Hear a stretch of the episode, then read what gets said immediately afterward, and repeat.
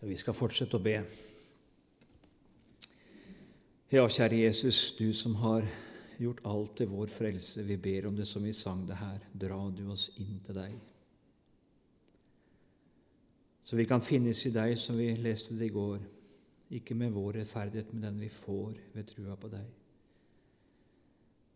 Og så dra oss inn til deg slik, Jesus, at vi er i deg, og du i oss, slik som du vil det. Bli i meg, sa du, så blir jeg i dere. Og så lev du ditt liv i våre liv. For uten deg, ser du, kan vi intet gjøre. Nå ber vi også for denne formiddagsstønnen at du vil åpne ordet for oss, og åpne hjertene, Jesus, for ditt ord. Amen. Ja, emnet som jeg fikk av eh, Arve, det er ikke så ofte jeg har talt om. Jeg har gjort det for noen år siden. og ehm, Jeg leste en fin bok av en som heter Carl Riis, som heter 'Gudsfrykt'. Den vil jeg anbefale. Han var lærer i mange år på LMH nede i Danmark, Luthers misjons høgskole. Han har skrevet en meget god bok om gudsfrykt. Men det er et emne som en ikke bærer fram med så stor frimodighet. For det er ikke en merkelapp en synes passer på ens eget liv. Det skulle så gjerne vært det. Men det er ikke en merkelapp en syns det er lett å omgi seg med. Øv deg, hørte vi, i Guds frykt. Og er det noe jeg må øve meg i, så er det noe som jeg er litt fremmed for. Vi har synget her nå, vi har gjort det på en del år, 25-30 år siden vi sang sammen sist. Vi har vært nødt til å øve men det likevel det er ting, noe vi har sunget for mange år siden. Det, det, det ligger der. Men gudsfrykten er ikke sånn at den ligger der naturlig. Den er egentlig noe fremmed. Vi er ikke gudfryktige av natur, og slik at vi kan øve opp en iboende evne. Nei, dette er en helt annen øvelse. Her skal jeg egentlig øve meg noe som er meg aldeles fremmed av natur skal kommer litt tilbake til det. Men vi skal be. Jeg skal lese først fra, fra Jobbs bok. Jobb var en gudfryktig mann. Vi skal lese det første kapittelet, de fem første versene, i Jesu navn. I landet Us var det en mann som heter Jobb. Han var en uklanderlig og rettskaffen mann som fryktet Gud og holdt seg fra det onde. Han fikk sju sønner og tre døtre. Han eide 7000 sauer og 3000 kameler og 500 par okser og 500 eselhopper. Og han hadde en stor mengde tjenere. Han var mektigere enn alle Østens barn. Hans sønner pleide å holde gjestebud på hver sin dag i hvert sitt hus. Da sendte de bud til sine tre søstre og innbød dem til å komme og ete og drikke sammen med dem. Så ofte en slik omgang med gjestebud var over, sendte Jobb bud etter dem og helliget dem. Han sto tidlig opp om morgenen og ofret brennoffer, ett for hver av dem. For Jobb sa, Kanskje mine sønner har syndet og sagt Gud farvel i sitt hjerte. Slik gjorde Jobb alltid. Jobb var en gudfryktig mann. Og Hva vil det si? Hva kjennetegner den gudfryktige? Og Vi kunne nevnt mange ting, men jeg skal egentlig samle alt under to hovedoverskrifter. Det første var det vi leste her. Jobb fryktet Gud og holdt seg fra det onde. Gudsfrykten den viser seg i et forhold til synden, til det onde. Og det andre, den gudfryktige, han er preget av ydmykhet, både i sitt forhold til Gud men også i sitt forhold til andre mennesker. Men det første, altså Jobb, var en gudfryktig mann, og den gudsfrykten viser seg først og fremst i det at han vek fra det onde. Vi skal se hva Jobb sier. I Jobb 23, og vers 11 og 12, så sier han:" Min fot holdt seg i hans spor. Jeg fulgte hans vei og bøyde ikke av. Fra hans leppers bud vek jeg ikke. Framfor min egen lov aktet jeg på hans munns ord. Det siste der det er vel å merke seg i våre dager. For du og jeg kan ha en naturlig rettsbevissthet og en naturlig på en måte, tanke hva er rett og hva er galt. Og jo mer tida vår blir en frafallstid, så vil vår egen dømmeevne den vil bli dårlig. Det ser vi hos biskopene våre. Nå skal begynne liksom å følge hva jeg synes er rett og godt. Og så sier Jobb, som var en gudfryktig mann, framfor min egen lov aktet jeg på hans munns ord. Altså Selv om jeg synes at dette burde være i orden, at dette kan egentlig godtas aksepteres Nei, Guds ord sier noe annet, og så bøyer jeg meg for det. Det er gudsfrykten. Og så viker jeg. Jeg stoler ikke altså sånn på min egen dømmekraft, men jeg stoler på Herren, og så bøyer jeg meg. Og Så sier han i kapittel 29, vers 12-16.: Jeg berget armingen som ropte om hjelp, og den farløse som ingen hjelper hadde. Den som var sin undergang nær, velsignet meg. Enkers hjerte fikk jeg til å juble. Jeg iførte meg rettferdighet som en kledning, rettsinn bar jeg som en kappe og hue. Øyne var jeg for den blinde, og føtter var jeg for den halte. En far var jeg for de fattige, og ukjente folks sak gransket jeg. Guds frykt er langt mer enn å være et dydsmønster. Det er ikke bare langt mer, det er noe ganske annet.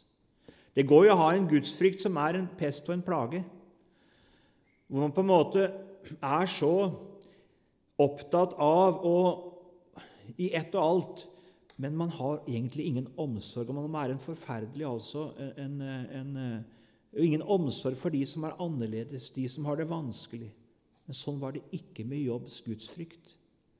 Den var ikke hard, den var ikke kald. Men det var en gudsfrykt som preget hans liv på en slik måte at han bar en veldig omsorg for den omgikk. Ikke minst de som hadde det vanskelig. Det var en gudsfrykt som ikke bare, bare satt i det ytre, han sier jo det at han kledde seg i den, men ikke bare som et skinn og som et hylster. Men han mener med det altså at denne gudsfrykten den kom til uttrykk i hans liv, i hans ferd. Det er sann gudsfrykt. Det er ikke vanskelig å ha rette meninger og rette standpunkter og, og på en måte være klar i munnen, men noe ganske annet å være det i sin ferd i omgangen med mennesker.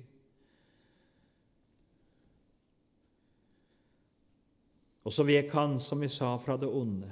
Men dette her, denne dobbeltheten Han viker fra det onde, og så gjør han det gode, det rette. Og ikke minst så er det preget av kjærlighet. Så er det likevel slik at eh, denne gudsfrykten, den, når vi snakker om gudsfrykt, så bånder det ikke først og fremst da i en på en måte skal vi kalle det en lovisk en, en, en på en måte en, en, nidkjærhet for Guds lov, at det er det som på en måte er drivkraften. Når vi ser i hele Skriften, så er det noe annet. Du kan piske et menneske til lydighet. Det kan få en frykt for deg, en redsel for straff, men det er ikke gudsfrykten. Gudsfrykten den har en helt annen kilde. Den gudfryktige, han kjenner Herren i Hans nåde og Hans godhet. Han har lært Gud å kjenne som den som jeg framfor alt må holde meg til, som jeg kan stole på, som jeg kan forlate meg på, som den som er god og rettvis. Og så lært å elske ham og frykte ham. Du kan ikke løse gudsfrykten fra kjærligheten. Og I en kristens liv så er det slik at det er nettopp syndenes forlatelse i Jesu blod. Det er nettopp det at jeg har funnet hos Gud den frelse jeg trenger, som gjør at det, det er der gudsfrykten har sin kilde. Jeg har lært Gud å kjenne. Det står sånn i Salme 130, vers 4, så står det det at eh, hos deg er forlatelsen. Og så skulle vi tro at nå kom det så skal vi elske, eller for at du skal elskes. ikke sant? Og nei, for at du må fryktes. Hos deg er forlatelsen for at du må fryktes. Hva menes det med det? Jo, når jeg har lært Gud å kjenne i Hans godhet og kjærlighet og frelse, og Han er den eneste i tilværelsen som virkelig er god Ingen er god, sier Jesus, uten én, og det er Gud. Det er, bare hos Han det er frelse. Det er bare hos Han det er forlatelse og redning. Og hvordan skulle jeg da stille meg i motsetning til ham? Hva skal da berge meg? Her er noe av gudsfryktens kilde. Jeg vil jo for alt i livet ikke komme på kant, ikke rake uklar med Han som er min eneste redning. Hos deg er forlatelsen, og så er det om å gjøre for meg å leve godt med deg. Slik møter vi det hos Josef. Han hadde lært Herren å kjenne som den gode og rettvise, den som var, han satte sin lit til. Og så sier han det, han blir frista av Potifars hustru, så sier han det Hvorledes skulle jeg gjøre denne store ondskap og synde mot Gud? Og Vi skjønner det som ligger under. Hvordan skal jeg gjøre det mot Han? Han som har gitt meg slike løfter, han som er den jeg virkelig kan stole på, han som jeg har satt min lit til, at skal ta seg av min sak. Hvordan skulle jeg kunne synde mot Han? Det er noe av det du kan møte Jeg tenker mye på det når jeg tenker på barneoppdragelse. Du kan jo ha, se noen barn som på en måte har vært under pisken. De har en frykt for far og mor som mest er preget av redsel. Men du veit at så snart de blir store nok, så snart de kommer langt nok unna mor og far, så gjør de akkurat som de vil. Men så har du noen som har vokst opp hos mor og far, og så har de fått en så tillit til mor og far de har opplevd mor og far som gode, trofaste, troverdige. Og de kan reise så langt bort de vil fra far og mor. Også er far og mor med dem likevel. Hvordan skal jeg kunne gjøre mor, kunne gjøre mor og far sorg? Sånn som de har vært mot meg. Det er skapt noe der. En ærefrykt, en tillit, en kjærlighet.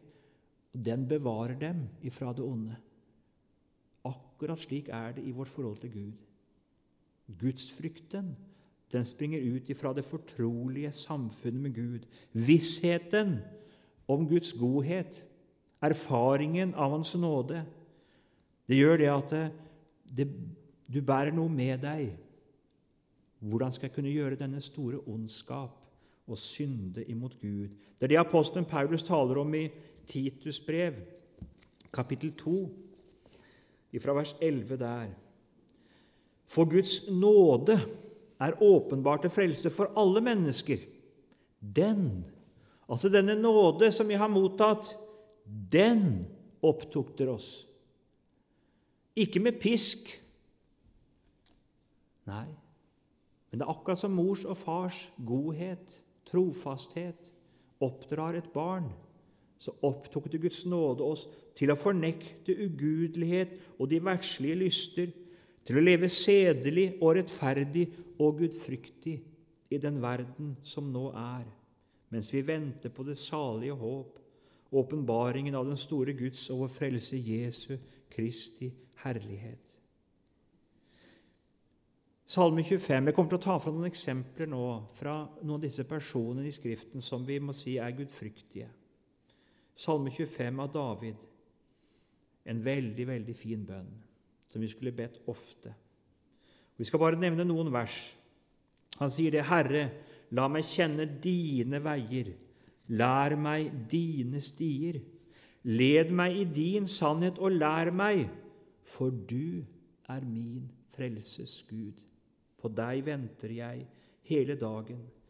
Da ved din hjertelig trang, å, lær meg dine veier. Led meg på dine veier, la meg gå i dine spor. Led meg i det som er rett og godt. Og drivkraften er denne for du er min frelses Gud. Det er som Asaf fikk sånt, og det er godt for meg å holde meg nær til deg, for du er slik. Led meg, bevare meg. Vi sang der 'Dra meg, og Jesus'. Det er samme bønn, egentlig. Samme tanke. Dra meg, og Jesus, inn i din favn. Hvorfor det? Du som på korset alt har fullbrakt. Det er drivkraften. Det er fordi, David, fordi Herren er Davids frelser at det er om å gjøre for han å leve ham nær. Herren er god og rettvis. Derfor lærer han syndere veien. Han leder de saktmodige det som rett er, og lærer de saktmodige sin vei. Alle Herrens stier er miskunn og trofasthet mot dem som holder Hans pakt og Hans vitnesbyrd. Herren har fortrolig samfunn med dem som frykter ham, og Hans pakt skal bli dem kunngjort. Mine øyne er alltid vendt til Herren, for Han drar mine føtter ut av garnet. Vend deg til meg og vær meg nådig, for jeg er ensom og elendig. Davids hjerte det er vendt til Herren, for han har sett det at alle dine veier med meg det er godhet, det er trofasthet. Du leder meg ikke det som er med til ulykke. Nei, å, det er godt for meg å gå på dine veier. Det er godt. Og så er det du den som drar meg ut av garnet. Du ser det når jeg Det er som han sier at du ser når jeg går mine egne veier. Da roter jeg meg det til. Da går det galt. Men du er god. Du drar meg ut av garnet. Vær meg nådig, venn deg til meg. Og Så ser du det altså at det nettopp erfaringen av Guds frelse og godhet og trofasthet, ja, det er selve hemmeligheten. Ja, Vi hørte det. Gudsfryktens hemmelighet var det. Og det er Gud åpenbart i skjød til din og min frelse. Der ligger hemmeligheten i et gudfryktig liv. Og så sier han i Salme 32.: Jeg vil lære deg Det er Gud som sier det, ikke sant, til David. Jeg vil lære deg og vise deg den vei du skal vandre. Jeg vil gi deg råd med mitt øye. Vær ikke lik hest og muldyr som ikke har forstand. Deres smykke er tømme og bistel til å tvinge det med. De vil ikke komme nær til deg. Her har du to slags gudsforhold som er beskrevet. Jeg skjønte ikke dette første til å begynne med. Jeg leste på dette, husker jeg studerte og leste det på hebraisk. og fikk, ja, Det står sånn. Jeg vil gi deg råd med mitt øye. Og så er det noen som ikke helt skjønte, og så, mente, så prøver man å oversette på en annen måte. Jeg vil la mitt øye hvile på deg, og, og liksom at jeg vil følge med deg, og så vil jeg gi deg råd. For hvordan kan du gi råd med øyet? Jeg skjønte ikke det før jeg fikk barn. Da skjønte jeg det. For der det er godt forhold mellom, mellom foreldre og barn, hvordan er det da? Barnet det lurer på kan jeg gjøre det her sånn. Hva gjør barnet da? Det kikker opp på mor og far. Da vil det ha øyekontakt. Får jeg lov til det her? Og så ser du på mors og fars øyne. Å ja. Enten dette får jeg ikke lov til, eller det kan jeg gjøre. Og Det er det fortrolige samfunnet som Herren vil ha fram her. Jeg vil gi deg råd med mitt øye. Sånn er det med den som frykter Herren, den som lever med Han. så er det og hvor er det vi møter Guds øye, øyekontakten? Det møter jeg i Hans ord, ikke sant? I samfunnet, der møter jeg det. Og så kommer det verkelig hest og muldyr. Åssen styres dem? De styres ikke med hest og muldyr, styrer ikke med øyekontakt. De har et tømme og bistel, ikke sant? Og så styrer du med tvang. Sånn går det an å leve sitt gudsliv. Jeg må det, jeg skal det, og for det står noe sånn. Og så får jeg vel gjøre det, da. De vil ikke komme nær til deg. Der er det ikke det fortrolige samfunnet. Hvordan er det ditt, ditt gudsliv? Er det slik at når du gjør det du gjør som en kristen, når du vandrer, så springer du ut av det fortrolige samfunnet? Du har et åpent adgang til Gud. Du taler ut med Han om dine synder. Og du får råd, og det, det skapes en trang etter å følge Han ut fra dette fortrolige samfunnet. Eller er det slik at det er mer ei tredemølle, og du gjør en del ting, for det skal nå gjøres. Og det står noe sånn. Nei, det ville ikke Gud. Han ville ha dette fortrolige samfunnet, der du bytter synd med nåde, der du får oppleve hans trofasthet, godhet og mildhet. Og så vil han at det Og da vil også det få følger i ditt liv. Og så var det det andre kjennetegnet på Guds frykt ydmykhet. Grunnbetydningen av det ordet det betyr egentlig å være nedbøyd, trykket nærmest til jorden. Og Det har noe med det altså den, den eh, gudfryktige Han står ikke stolt og sterk og stiv framfor Gud. men han er bøyelig, og han bøyer seg for Gud. Han bøyer seg først og fremst i erkjennelse av sin egen syndighet og fortapthet. Men han bøyer seg også og bøyer sin vilje og sin mening, som hørte altså at det framfor min egen lov så bøyer jeg meg for din, for ditt ord. Han er som Abraham som står framfor Gud og sier det at 'jeg drista meg til å tale til deg, enda jeg bare støv og aske'. Det er noe av denne ærefrykt. Han jeg har å gjøre med, han er større, han er visere enn meg. Jeg har ikke noe å påberope meg overfor Gud, så har Gud alltid rett. Jobb sier det også, om jeg ville gå i rette med deg, så kan jeg ikke svare deg ett til tusen. Ikke ett til tusen. Jeg må bare bøye meg. Du har alltid rett. Tenk om våre biskoper og kirkeledelse hadde aktet på dette her. Ja, vi bør ikke gå lenger enn til oss sjøl akte på dette. Gud har alltid rett. Jobb, vet du, han det kom jo dit hen at han begynner å gå i rette. Og så begynner Gud en forunderlig skolegang. Jeg satt og tenkte på det jeg studerte teologi. Jeg måtte si det til noen av medelevene etter en time i Gamletestamentet.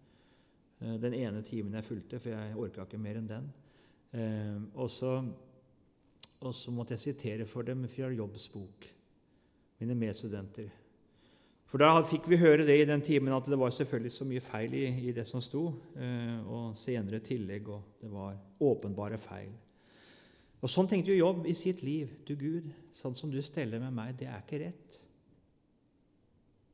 Og så spør Gud Jobb. Du, sier han, du som har forstand på dette, nå må, må du se også, må du svare meg. Nå skal jeg spørre deg, så kan du svare meg. Så begynner Jobb. Hvor var du hen da jeg skapte jorden? Hvor var du en da? Du, nå må du fortelle meg det, du som har så greie på det. Og Sånn tror jeg Gud sier til alle disse som, har, som vet hvordan skapelsen er. Du, du som vet det, hvor var du der? Jeg var der, sier Gud, og jeg har fortalt hvordan det var. Men du har jo bedre greie på det enn meg, så nå får du se og svare. Og så begynner Gud å beskrive i detalj. Og han er noe fantastisk der. For det som er den store fortvilelsen for jobb Han forstår ikke hvordan Gud kan handle sånn med han. Og så har Gud en fantastisk lekse- og lærejobb. Og Så begynner han å nevne noen dyr. Han nevner steingeitene. Jeg har sett steingeiter i Israel. og Det er nesten umulig å få øye på dem. Og så plutselig så er de over klippene, og så er de borte. Jeg kunne prøve å følge dem. Helge hadde hatt litt mer sjanse, for han er litt mer sporty enn meg. Eh, og noen lange kliv, men, men, det hadde ikke gått. Den er borte før du veit ordet av det. Og så, og så sier Gud, 'Teller du månedene?' det steingjetene skal føde. Teller du månedene til det? Følger du med dem? Er du bekymra, eller altså sørger du og har du omsorg for dem? Eller disse ravnungene som skriker? Det er ikke noe pent å høre på. Men er du opptatt av det? At de får føde? Og så, så, sier Gud at disse dyra som ikke er til å følge, disse er som på en måte du ikke bryr deg om, for de er så fæle og skriker så stygt. De bekymrer jeg meg om. De sørger jeg for, og de tenker jeg på. Tror du ikke du jobb? Tror du ikke jeg også følger med deg? Tror du ikke det? Når jeg følger med disse, tror du ikke at jeg også følger med deg? Fantastisk. Akkurat som Gud Jobb sier 'du vet ikke åssen jeg har det', du vet ikke, du, du bryr deg ikke. Jo, sier Gud, det gjør jeg. Ikke bare med deg. Jeg følger med alle. Og jeg bryr meg. Jeg har oversikten. Det er som Elius sier, at også når du sier at du ikke ser ham, så ser han nok din sak. Han gjør det. Ja, nå kommer jeg litt utafor på sida her. sånn. Men den gudfryktige, altså, han bøyer seg, og han stoler på Gud, og han forstår dette. Du har rett, Gud. Om ikke jeg forstår, om dette er underlig for meg, du vet. Og så bøyer han seg. Den gudfryktige, når han opplever noe som strider mot han, så retter han seg ikke i anklage mot Guds ord. Det er vi lett for å gjøre. Det der kan jeg ikke være enig i. Det der kan jeg ikke rette meg etter. Det Nei, han bøyer seg. Guds ord har rett i sin anklage mot meg. Et lite sidespor her igjen, altså, men være litt personlig. Da jeg var ungdom hjemme hos mor og far, så hendte jeg syntes de var helt urimelige. Og jeg syntes jeg hadde rett til å anklage dem for det. Og det gjorde jeg òg. Det har de glemt. De kan ikke huske at jeg var det. Men jeg husker det. Jeg smelte med dørene og var ganske så vanskelig. Og så plutselig en dag så fikk jeg dette i mitt eget ansikt. Hvordan er det du er? Og det var fordi jeg leste her. Og så skjønte jeg at du har snudd alt på hodet. Du har funnet feil hos dem. Men nå skal du begynne å tenke på hvordan du har oppført deg, og hvordan du er. Men sånn tenker jeg, sånn er vi mot Gud i vår, vår tid. Vi retter anklage mot Gud, mot Hans ord, mot Hans bud. Men da snur vi det på hodet. Da setter vi oss til dommere, og så får Gud finne seg i å være sånn som vi vil han skal være, og så får han godta det som vi vil. Det er ikke Guds frykt. Det er forferdelig hovmot. Nei, vår plass den er på anklagebenken. Og sier Gud, du skal, du skal ikke. Og jeg har ingenting med å anklage han, men han er i sin fulle rett til å anklage meg. Du har bare tretta meg. Du har bare voldt meg møye, sier Gud, og han er i sin fulle rett til å si det. Han er Gud. Han er den hellige Gud. Og den gudfryktige, han bøyer seg. Han bøyer seg og bekjenner. Han søker ikke å komme unna dommen og så prøve å berge sitt liv ved å finne feil i loven, ved å finne feil i anklagen. Men han finner feilen her. Det er jeg som har urett. Om jeg ville prøve å gå i rette med han? Nei, jeg kan ikke svare ham. Han har rett. En liten fortelling. Um, Luther arbeidet mye med dette. her, Hvordan skal jeg kunne finne en nådig Gud? For han var aldri spørsmålet om Gud hadde rett. Men det var spørsmålet hvordan skal jeg kunne finne han i Hans nåde. Og så har han en fantastisk fortelling. Jeg tror ikke Luther var noen jeger. Han hadde like lite greie på det som meg, tror jeg. Kanskje litt mer. Men han var med på harejakt en gang. Og, men jeg tror ikke han var så opptatt av harajakta, for han kom litt bort ifra de andre, og han var ganske omfangsrik. Luther. Og så gikk de med sånne klær ikke sant, som var veldig vide. Og særlig ermene var veldig vide. Sånn, eh, den samaren ikke sant, som presten er, egentlig den gamle embetsdrakta den fra reformasjonstida. og Det var sånne vide, svarte klær. Og Der står Luther, brei og omfangsrik, kommet bort ifra de andre. Men så kommer da bikkjene jagende på en hara. Og midt på stien der står Luther. Og Harald tenkte det, hva skal jeg gjøre nå? Harra sier jeg med hare. Jeg må si det litt. Det er litt dialekt. Og så må haren ta et valg. Og så satser den på Luther. Og Den satser på et av ermene som er så vide, så hopper haren inn der. Og Da blir jo Luther litt godhjerta, så han legger den armen inn sånn. og så Bikkjene de bare fortsetter. De ser ikke hva som skjer. Og så får haren leve. Og så sier Luther om det Hvor skal jeg fly fra Guds vrede? Jo, jeg har bare ett sted å satse på, sier han. Jeg får fly inn i Guds armer. At Han, som er den hellige Gud, at Han også er den som jeg kan fly til og rope til om nåde. Det er noe av gudsfrykten også. Altså, jeg gir Gud rett i hans anklage. Men jeg har også lært han å kjenne i Hans nåde. Og så bøyer jeg meg for anklagen, men så flyr jeg til Han med den. Han som alene kan frelse. Vi har et eksempel på Nytestamentet der synderinnen i Simons hus Hun hadde lært Gud å kjenne, og hun hadde hørt anklagen ifra alle i denne lille byen. Men så har hun lært Jesus å kjenne, hørt om Han og hans tale om, Guds, om den frelse han var kommet med. Og så oppsøker hun Jesus, ikke for å bli fri dommen. Var det et sted hun kunne vente for anklage, så var det i fariseeren Simons hus. Der vil hun få blikk, og der vil hun få kommentarer. Men som Kirkegård sier om henne, hun hatet seg selv mer enn alle disse andre. Hun bøyde seg over dommen over sitt liv, men hun måtte til Jesus. Hun måtte ta han, hun måtte fly inn i Guds armer. Ikke for å berge sitt liv, men for å bli fri det, som hun var innom i går kveld. Og så måtte hun til han koste hva det koste vil.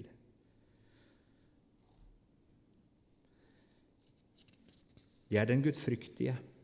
Han lærte Gud å kjenne i hans dom, men så vender han seg også til ham i tillit i hans nåde. Det siste jeg skal ta med om dette med Guds frykt. denne ydmykheten, viser også det at den gudfryktige han bøyer seg under alt det Gud sender i hans vei, om det er sykdom, om det er lidelse eller det er nød. Jeg forstår ikke alltid hva Gud gjør, men jeg bøyer meg. Det er ingen som er sånn eksempel på det som jobb. Det begynner med han satt der i aska og slikka sine sår hadde mista sine barn, all sin eiendom, og så sier han 'Herren gav, Herren tok, Herrens navn være lovet'. Og så lett det er å sette Gud på anklagebenken og si 'Hvorfor det, Gud?' Og så gå i rette med Han.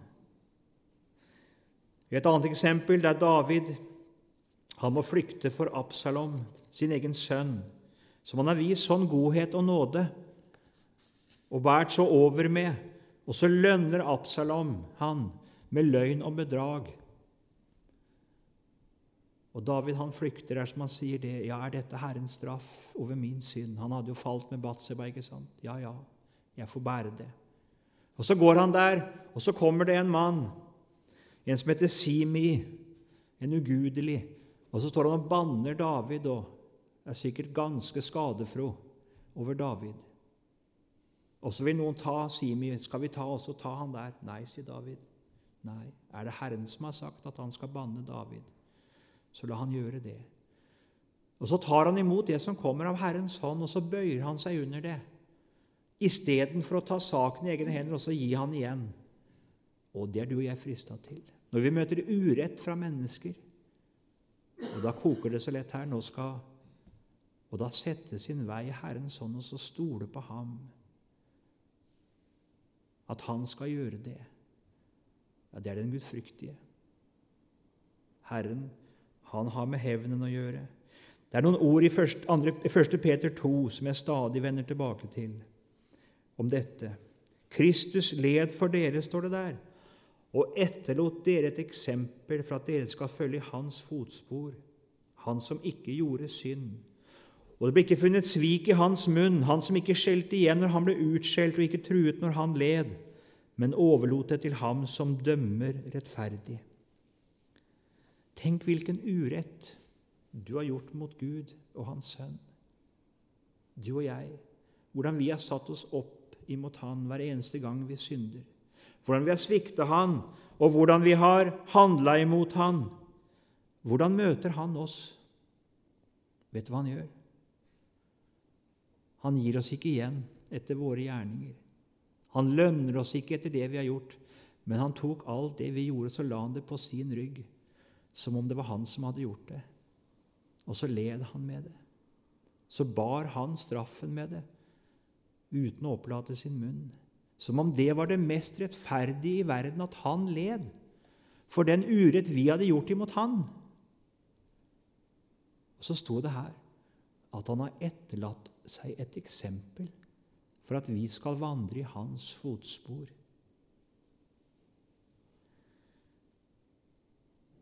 Vi vil så gjerne ta igjen, vi vil så gjerne hevde oss selv. Vi har noen eksempler på dette. Tenk på David igjen. Saul er ute etter han med aldeles urett. David bærer det. Han flykter.